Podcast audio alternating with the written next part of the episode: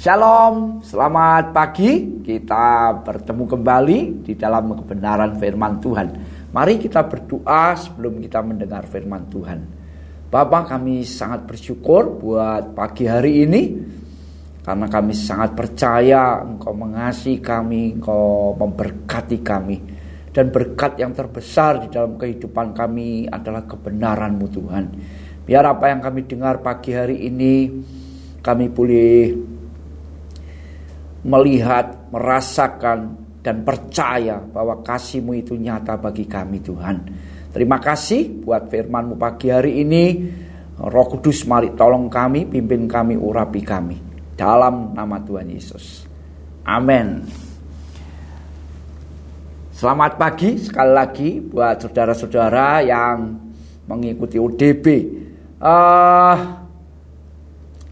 rasanya ya saudaraku ya Natal sudah berlalu seperti itu ya. Natal sepanjang Desember gereja-gereja merayakan Natal yang luar biasa saudaraku. Uh, beberapa waktu lalu ketika gereja yang dipercayakan pada saya saya berdoa untuk satu pesan Natal Meskipun ini sudah berlalu tapi saya merindu merindukan untuk saya sampaikan saudaraku ya. Uh, ada pesan Tuhan yang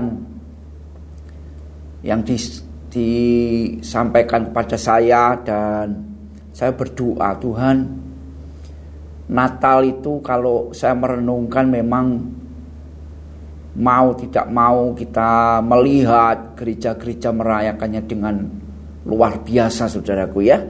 Dan pada waktu ibadah Natal eh, saya berdoa dan tiba-tiba saja saudaraku saya tuh merasakan suasana yang sedih begitu ya saudaraku. Ya aneh juga menurut saya ya. Sampai puji-pujian selesai dibawakan dan Tuhan munculkan satu kata yang mengejutkan menurut saya saudaraku ya. Uh, kata itu muncul begitu saja yaitu satu kata yang bilang kehilangan saudaraku ya. Dan saya merenungkan akan hal itu dan Tuhan sikapkan satu pesan Natal yang khusus buat jemaat yang dipercayakan kepada saya. Saya akan bacakan di dalam Injil Lukas pasal 38 uh, petikan kata dari Bunda Maria ya yang mengatakan begini ketika terjadi dialog dengan malaikat bahwa dia akan mengandung dan sebagainya dan sebagainya ayat 38 Maria berkata demikian sesungguhnya aku ini adalah hamba Tuhan. Jadilah padaku menurut perkataanmu itu. Lalu malaikat itu meninggalkan dia.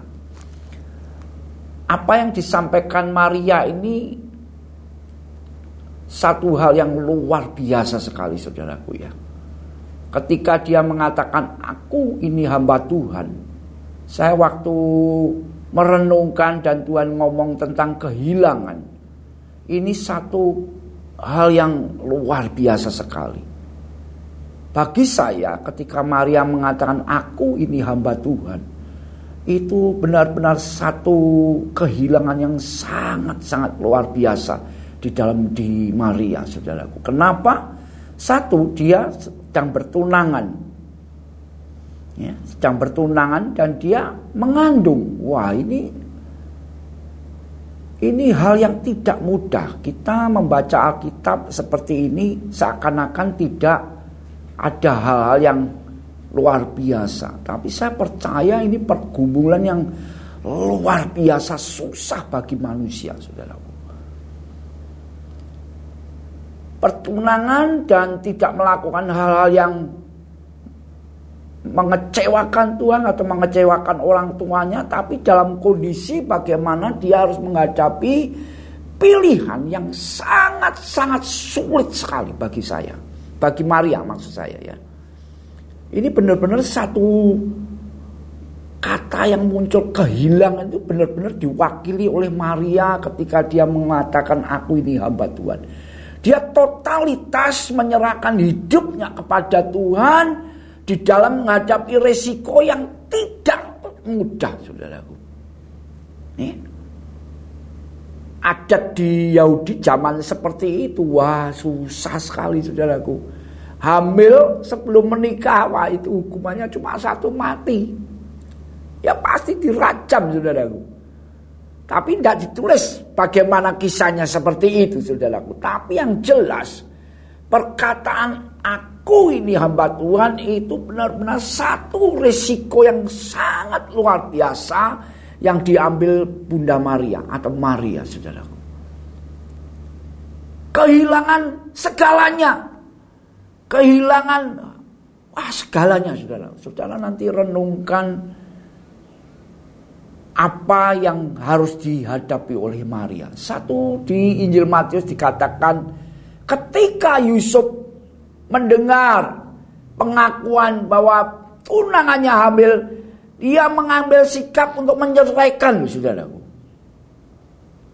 Meskipun belum sampai disampaikan kepada Maria. Ini benar-benar satu hal yang luar biasa sedang mereka hadapi. Baik Maria sendiri maupun Yusuf sebagai tunangannya. Ya. Ini satu teladan yang sangat luar biasa yang ditulis oleh Alkitab bahwa Natal di sisi lain adalah berbicara tentang kehilangan kehilangan hak. Kenapa bisa seperti itu? Karena Maria mengatakan, "Aku ini hamba Tuhan."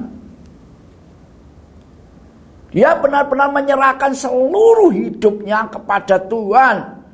Dan yang luar biasa perkataan Maria selanjutnya adalah jadilah padaku menurut perkataanmu. Ini yang harus kita renungkan hari-hari ini saudaraku. Rindukah hati kita ini berkata kepada Tuhan, Tuhan, jadilah menurut perkataanmu dalam hidupku. Ini menggores benar-benar di hati saya, saudaraku. Kalau aku ini hamba Tuhan, satu keinginanku yaitu perkataan Tuhan terjadi dalam hidupku. Biar apa yang tertulis dalam Alkitab yang merupakan bagian dalam peristiwa Natal ini menjadi perenungan saudara dan saya. Bahwa peristiwa Natal bukan hanya berbicara tentang kasih Allah itu iya ketaatan orang-orang yang terlibat di dalam peristiwa Natal itu iya saudaraku tapi Natal bagi kita di akhir zaman ini adalah kehilangan hak kita benar-benar percaya kalau kita percaya dan berkata aku ini hamba Tuhan kelanjutan dari sebagai hamba Tuhan adalah Tuhan jadilah perkataanmu di dalam kehidupanku. Amin.